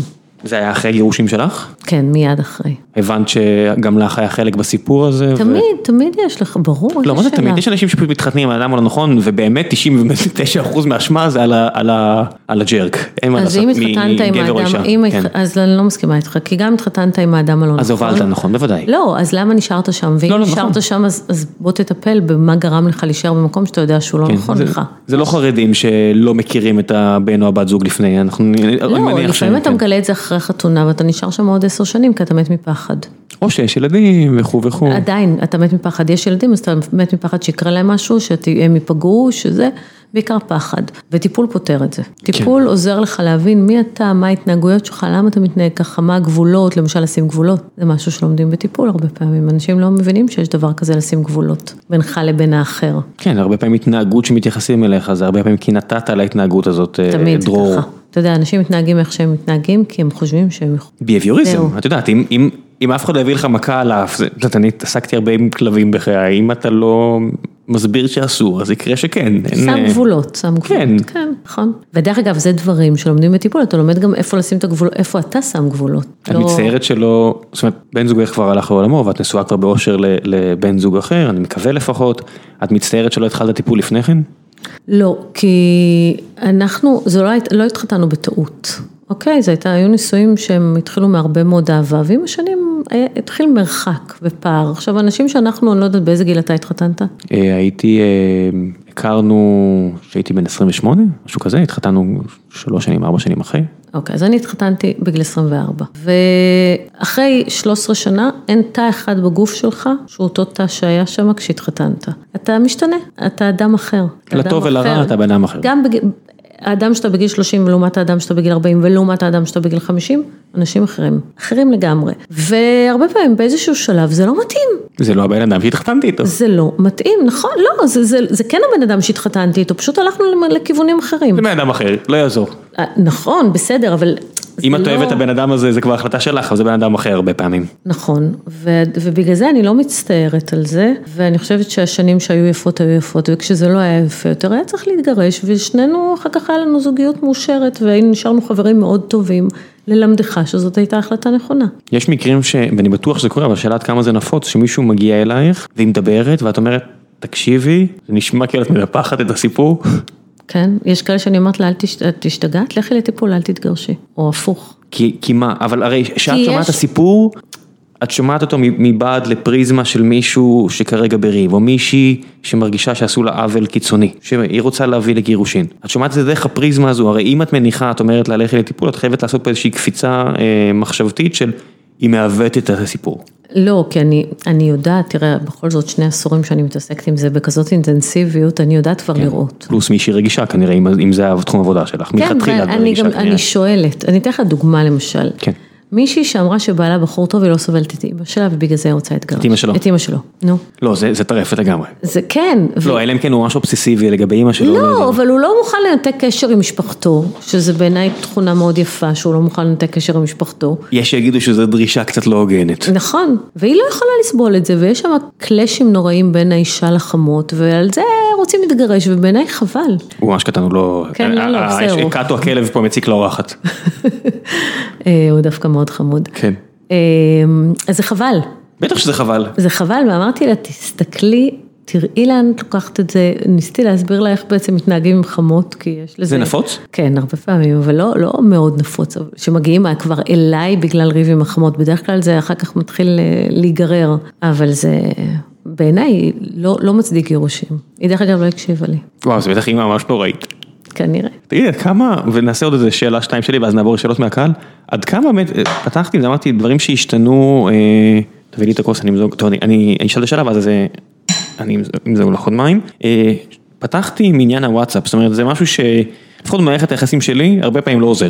אה, כל העובדה הזאת שאפשר לתקשר כל היום, זאת אומרת, גם אם אתה רב, אז... אפשר אין- לריב בוואטסאפ. כן, אפשר לריב בוואטסאפ, הנה משהו שאני ממש מצטער כל פעם שאני עושה אותו. אה, אולי באמת אני צריך לה- לה- להמשיך יותר את הטיפול כדי להפסיק עם זה. או לסגור את הוואטסאפ. ועד כמה זה נפוץ שפשוט גוללים מולך ריבים. כל יום. אוי ואבוי, זה נשמע זה לי לא כל כך רק נורא. ריבים, זה לא רק. ריבים. אה, תקשיב, הוואטסאפ זה ראייה אולטימטיבית. אה, כי בעצם כל דבר שנכתב שם, אנחנו יכולים לעשות צילום מסך, להדפיס את התמונה ולהגיש אותה לבית משפט, זה בדיוק מה שאני עומדת לעשות מחר בבוקר. והשופט לא ידרוש, אה, תראה לי את הקונטקסט? לפעמים כן, אתה לא מראה תמונה אחת, אתה מצלם מסך, אבל אה, הרבה פעמים אנחנו... הוצא מהקשרו. כן, אז אנחנו מראים, יש מקרים שזה מוצא מהקשרם, אבל באופן כללי זה הכי אותנטי שיש. זה פשוט שיחה שהיא מוקלדת. בוודאי. ואתה יכול לראות, הנה אני אתן לך דוגמה, מחר בבוקר אני בדיון על צו עיכוב יציאה מהארץ, של בעל מאוד עשיר, שאומר אין לי כסף, ואני הולכת להראות, הוא כתב לאשתו. קניתי לה חמישה תיקי שנל, שתי תיקי לואי ויטון, כל חופשה, החופשה האחרונה שלנו עלתה 300 אלף שקל, חזרתי עם שמונה מזוודות מתאילנד. אוקיי, אז יש או אין? הקורונה פגעה בעסקיי. כן, האמת שזה בדיוק מה שהוא טוען, אבל אה, אני טוענת שקורונה לא פוגעת בעסקים של אנשים מאוד עשירים. לא בחודשיים. בדיוק. לא יודע, אולי אתם שומעים את הפרק הזה ב-2023 והעולם כבר במיתון שלוש שנים ואתם צוחקים, אבל... אה, לא בחודשיים. אנחנו מדברים עכשיו אה, נורא, זה הכל נורא טרי. נכון. אז, אז הוואטסאפ זה ראייה אולטימטיבית. אנשים תריבו ב... מותר להקליט אנשים בארץ? אם אתה שותף לשיחה, לחלוטין כן. את ממליצה לעשות את זה? אם? צריך, כן. אם צריך, כן. מה זה. אם צריך? אז אני אגיד לך מה זה אם צריך. התיק הזה שיש לי מחר, אה, הגשנו בקשה לצו עיכוב יציאה מהארץ והרשמת לא נתנה לנו. רגע, מה היתרון בצו? מה הפחד, הוא שהוא לא יחזור? כן, כן, אה? שהוא לא יחזור, והוא פשוט אה, איש עסקים מחו"ל. אה, בינלאומי, אוקיי. כן. ו...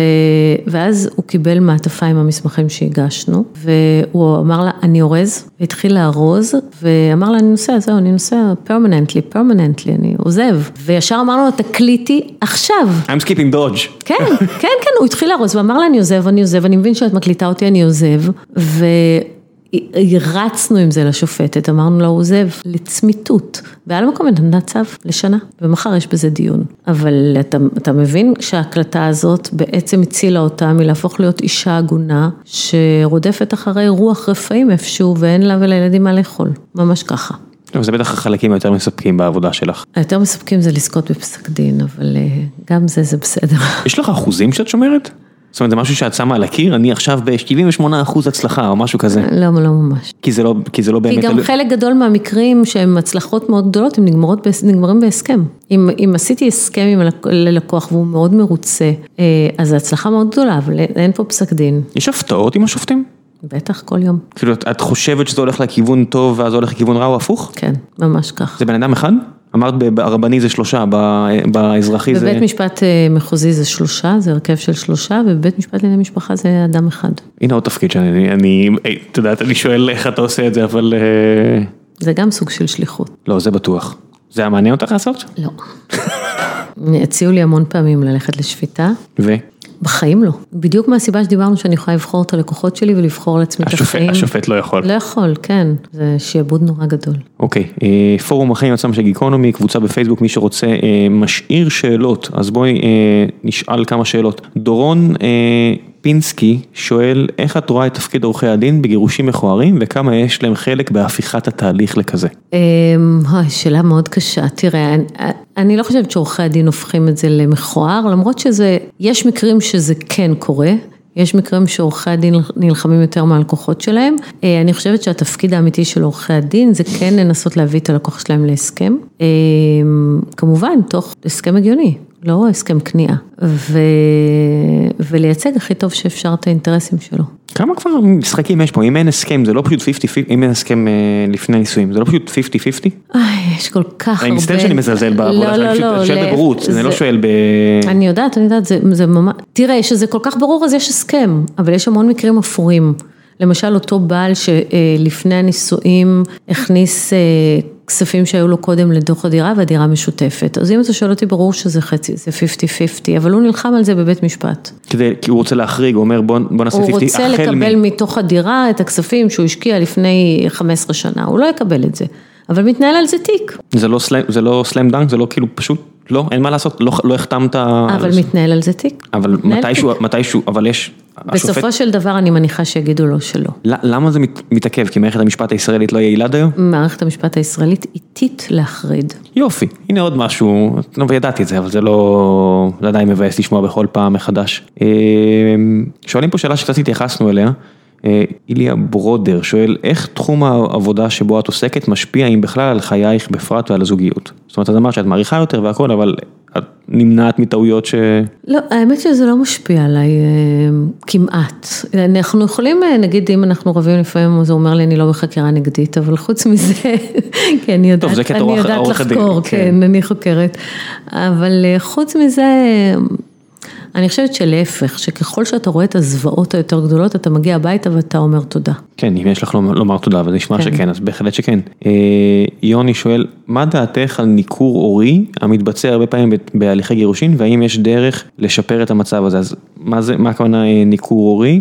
ניכור הורי זה, זה טרגדיה למשל.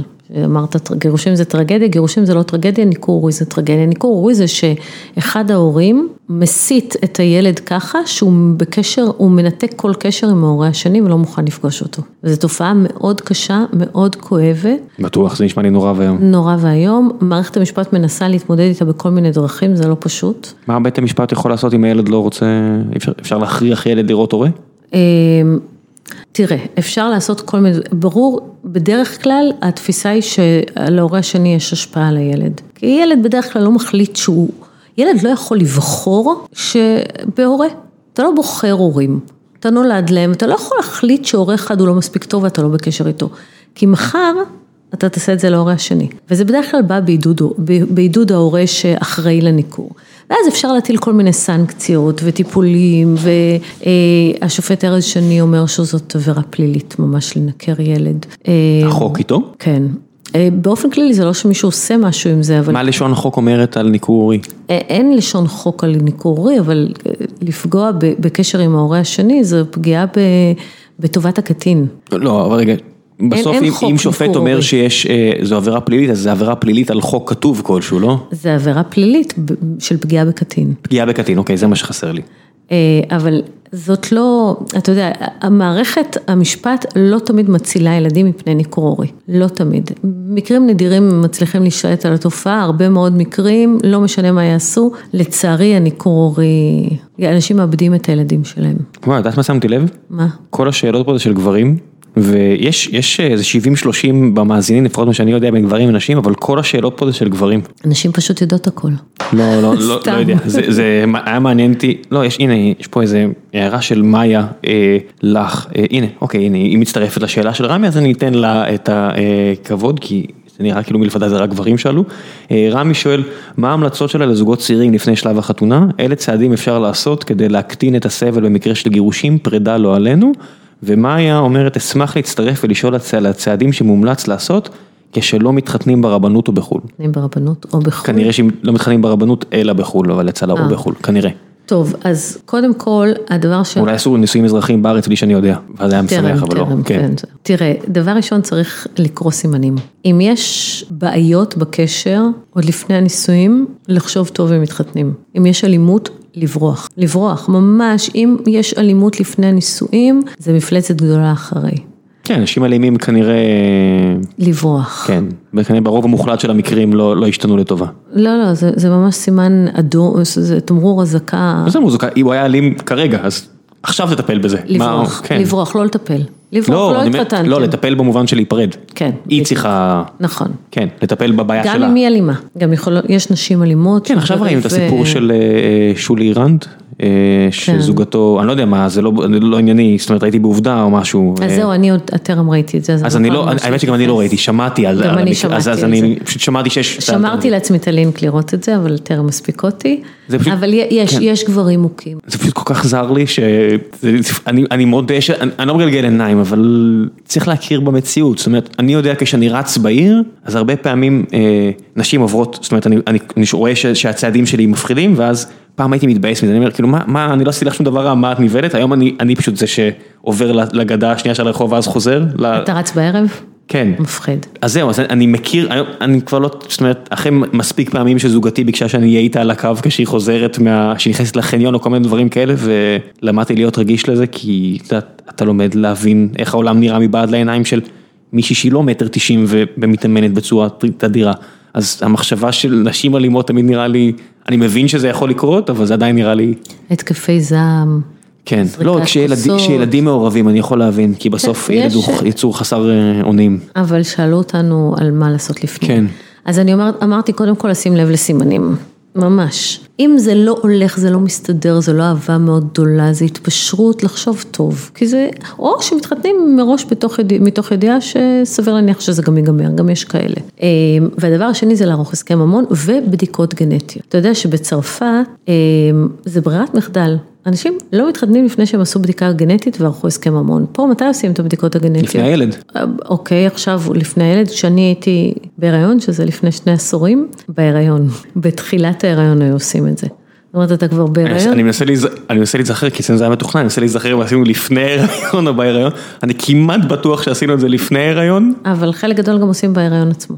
אה, את בהיריון? אוקיי, בוא נעשה בדיקה גנטית. לא, אני כמעט בטוח, אני, לא, לא, אני, אני בטוח, כי היה שם איזה משהו שרצינו לבדוק, וכן, כן. אוקיי, אז אולי אתם עם מודעות, אבל תדע לך שהרבה אנשים עושים בדיקות גנטיות בהיריון. פעם זה היה בכלל תמיד ככה. anyway, אז אתה יודע, אולי הרעיון הוא לעשות את זה לפני, ואם יש ביניכם בעיה גנטית רצינית, לחשוב שוב פעם. אז כמה זה נפוץ, גירושים בגלל בעיה גנטית? אין, זה לא נפוץ, זה לא נפוץ. אבל אם אתה שואל אני מכיר מקרה אחד, אוקיי, אבל זה לא נפוץ, אני לא מכירה כמעט. אז הייתי עושה, אם, אם רוצים לדעת מה לעשות, אז בדיקה גנטית ולערוך הסכם ממון. וזה מקל אחר כך על גירושים. הסכם המון זה לא קל נראה לי, זה לא מה? זה לא קל, זה, זה כאילו איזה פגיעה בצד השני, זה בדיוק מה שאמרתי לך, התפיסה המנטלית. בצרפת זה ברירת מחדל. למה בצרפת זה ברירת מחדל? למה, למה כשאתה עורך, מש... נגיד אתה לוקח משכנתה, אתה חייב לעשות ביטוח חיים, נכון? כן. מכיר את זה? כן, נכון? כן. אז זה דרישה לא, לא, של אני הבנק. לא- כן. הבנק המלווה אומר, תעשה ביטוח. חיים. אתה יכול להיעלב ולהגיד, מה זאת אומרת, אתה מצפה שאני אמות? כן, אבל הבנק, אבל הבנק הוא לא בן זוג אוהב, אוקיי, אבל אתה, למה אתה עורך ביטוח חיים ואין לך בעיה עם זה, אין לך איזושהי תפיסה שאולי תמות ולכן אתה לא עושה אני את אגיד לך מאיפה אני חושב, כ- כיזם טכנולוגי, אני עובד ב- בעסקים שלרוב לא מצליחים, אבל אם מצליחים, שכרך בצד, אתה יודע, אתה זוכה בפיידיי מאוד נאה, מאוד, הרבה פעמים. ונניח לפני הניסויים אתה, אתה שם כבר תנאים של תדעי אבל, או תדע, שגם אם זה יצליח, אתה לא תקבל את ה-50, את ה-50, את ה-50%, אז אתה- אומרת- את אומרת- לבן זוג, אז אני אעבוד אה, עד מאוחר, אני אהיה קצת אה, בלתי נסבל בהתחלה, וכו' וכו', ואם זה יצליח, תדעי שאני לא הולך לחלוק איתך.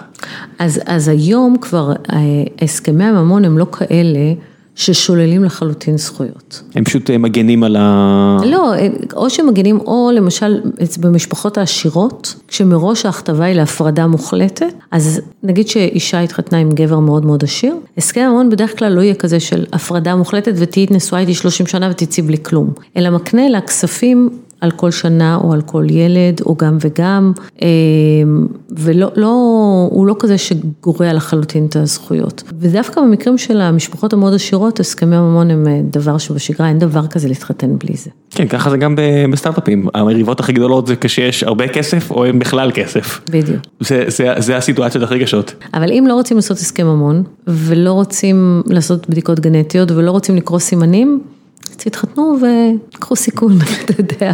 ואל תעשו שטויות, הנה עוד משהו. כן. ואם זה מתחיל לא טוב, לכו מהר לטיפול, טיפול יכול להציל נישואים. בוא נעשה עוד איזה שאלה שתיים ונסיים להיום. אז הנה, אם, אם אז עכשיו הבאת אה, טיפים ללפני, אז אה, משה שואל, האם הניסיון שלך בסכסוכי גירושין את מצליחה, הצלחת לחלץ תובנות לחיי נישואים טובים יותר? מלא, אבל אין לנו זמן לזה. אז בוא, בוא נתחיל, שתיים. כן, אז בוא נתחיל קודם כל בעניין הזה, שהוא הכי קריטי בעיניי, זה שבחיי נישואים אנחנו מורשים לעצמנו לדבר לאנשים הכי קרובים לנו, כמו שלא היינו מורשים לעצמנו לדבר לאף אחד בעולם. כל מי שטיפה כנה יכול להודות בזה, שאנחנו מרשים לעצמנו לדבר לילדים ולבני זוג, כמו שלא נרשה לעצמנו לדבר לאף אחד או בעבודה, בחיים לא. עכשיו, זאת בעצם באיזשהו שלב הופכת להיות מפלצת, שאתה לא קורא לזה מפלצת ואני כן קורא לזה מפלצת. לא, לא, אני זורם עם, עכשיו, ה, עם ההגדר, בסיטואציה הזו אני זורם לגמרי. כן, שאתה מורשה לעצמך לצאת, כמו שאומרים במרכאות, על בן או בת הזוג, באופן שלא היית מורשה לעצמך לצאת על מישהו שיושב לידך בעבודה. כי הוא לא יסלח לא. לך. לא, כי, כי אנחנו, אתה יודע למה זה? זה בגלל שקירות התא המשפחתי מספקים ביטחון. ואם אתה בטוח שלא יעיפו אותך מהעבודה או שלא יקרה לך שום דבר, אתה מרשה לעצמך, כמו שאמרנו, אנשים כן. מתנהגים איך שהם מתנהגים, למה? כי הם יכולים. זה מאוד עמוק, זה, זה הרבה מעבר לשכבה המודעת. יש איזה נכון. מקרה מפורסם אה, בארצות הברית של... אה, אדם שהיה לו אפילפסיה, אני אספר את זה בקצרה ונעבור לשאלה האחרונה, וכרתו לו חלק מה, מהמוח, כי זה עוזר הרבה מקרים, וזוגתו סיפרה שהוא מאוד השתנה, הוא פתאום נהיה מוזיקלי, ופתאום הוא נהיה שונה, אבל בסדר, סבבה, מגניב יותר, לא, לא יודע מגניב יותר, אבל המערכת אצלנו השתנתה והיא מאוד נהנתה, אה, ויום אחד אה, FBI דופק בדלת, עולים למעלה, הם שאלו אותו, אתה יודע מה זה? הוא אמר כן. היה לו מלא חומרי פדופיליה על הפדופיליה ילדים, או משהו כזה על, על המחשב, אה, ובמהלך המשפט הפסיכיאטר שלו הגיע ואמר, הוא איבד את היכולת אה, לא לעשות את זה, זאת אומרת את העכבות המוסריות. וואו. והשופט שאל אותו, וזה נשמע את הפודקאסט הזה שמראיינים גם אותו, כשהוא בדיוק עומד להשתחרר, למה לא עשית את זה למשל בעבודה, אם אתה לא מסוגל אה, לשלוט, לשלוט, והפסיכיאטר הביא דוגמה שזה קורה גם אצל קופים, זאת אומרת קוף יכול להתנהג בצורה פרועה, אבל מול ה alpha male הוא לא יתנהג ככה. אה. זאת אומרת, יש ב, ב, גם אם הורידו לך את החתיכה הזו מהמוח ואתה מאבד את היכולת וזה מה שקרה אצלו, אה, בעבודה הוא ידע לא לעשות את זה. וזה גורם לכל כך הרבה מחשבות, כי בסוף שואלים אותו, אז אתה חושב שבאמת הגיע לך לשבת בכלא? הוא אמר, אני חושב שכן. וואו. וזה, וזה נורא, ש... והיא חיכתה לו. מה אתה אומר? והיא חיכתה לו, כן. אה, והפסיכיאטר אמר שזה נורא ואיום שהכניסו את הבן אדם הזה לכלא, איזה שנתיים או משהו כזה, על משהו שהוא לא יכל לעצור את עצמו. וזה היה מקרה שגם דיברו עם השופט, הוא אמר, אני, זה היה מהמקרים הכי קשים ש...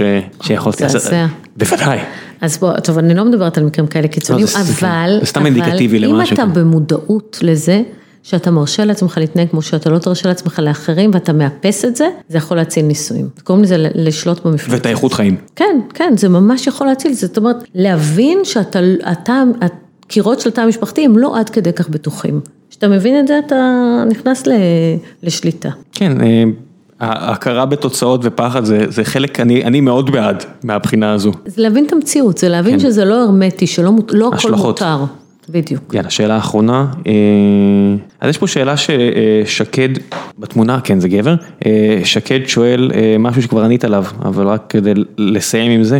האם יש אמת בטענה שכל התהליך של הגירושים יש תעדוף לזכויות אנשים, אה, החל מהמזונות ועד לדיונים על משמעות, אז... עכשיו הפוך. הפוך? הפוך. הפוך זאת אומרת יש שוויון או הפוך יש תעדוף לגבר? עכשיו יש תעדוף לגבר בעיניי. Mm, איך שמעת את זה עד הסוף? אה, תראה, אם אתה מקבל משמורת משותפת, לא משנה מה, אפילו שאתה אבא שלא רואה את הילדים שלו בכלל, מה זה אומר? שיש תעדוף לגבר, יש אפליה לטובת הגבר.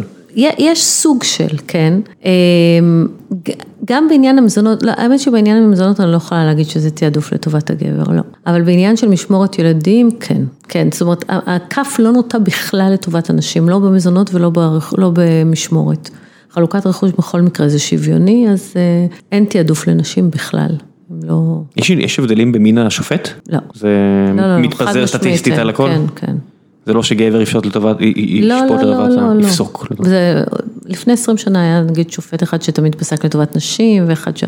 אבל זה לא ככה היום. פנטסטי, לפחות זה. זאת אומרת, אם הם איטיים, לפחות הם יחסית הוגנים מהבחינה הזו. כן, אין, אין אפליה על רקע מגדרי. אוקיי, חלק אחרון של הפרק, המלצה, אה, כל מה שבא לך מעבר להתנהגויות והכל, אז את הספר שלך אני אשים אה, לינק, ואם רוצה לספר עליו אז זה הזמן ואת הבלוג שלך, אין, אין אה, רגולציה, ספרי על מה שבא לך, על המשרד שלך, הבמה שלך, תקדמי מה שבא לך. אז קודם כל יש לי משרד מדהים, והוא בעצם מפעל החיים שלי, אני מאוד גאה בו, ואני חושבת שאנחנו עושים עבודה מדהימה, אז... את תשלחי לי לינק ואני פשוט אשים, יניח אותו בדף הפרק, או מי שיחפש בגוגל את, את שמך. מי שיחפש יגיע לזה. מגיע, מגיע מיד. כן, יש את הספר שלי, קרמה איזה ביט, שהאמת היא ש...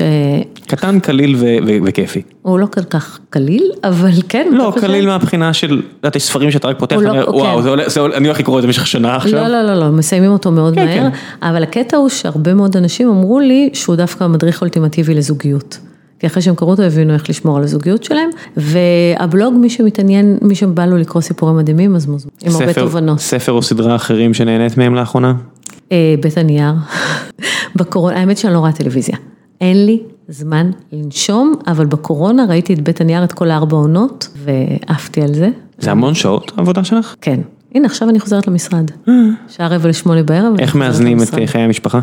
אז באופן נורמלי אה, הייתי טסה לחו"ל כל איזה חודש וחצי, ועכשיו אין לי את זה, ואני קצת, אה, קצת קשה לי עם זה, אבל אצלי האיזון הוא ב- או בספורט, אני רצה בבקרים, אה, או בחו"ל. זאת אומרת, את לוקחת את המשפחה וככה את מצליחה הרי להתרחק מהעבודה כי בחו"ל. כן, זה אנחנו עושים אתנחתות כאלה, אפילו weekend פעם בחודש וחצי, וזה מאוד כיף. וזה עוזר לאפס אותך כי העבודה שלך היא סופר סטרסט וזמן. מאוד מאוד מאוד אינטנסיבית, אבל אני לא, לא מתלוננת. בטח שלא. כן. אם את עושה את זה כל כך הרבה שנים ואת מחייכת אז כנראה שהכל סבבה. כן, הכל סבבה. יופי. תודה רבה רבה שבאת. תודה שאירחת אותי. נתראה בפעם הבאה. ביי ביי. ביי.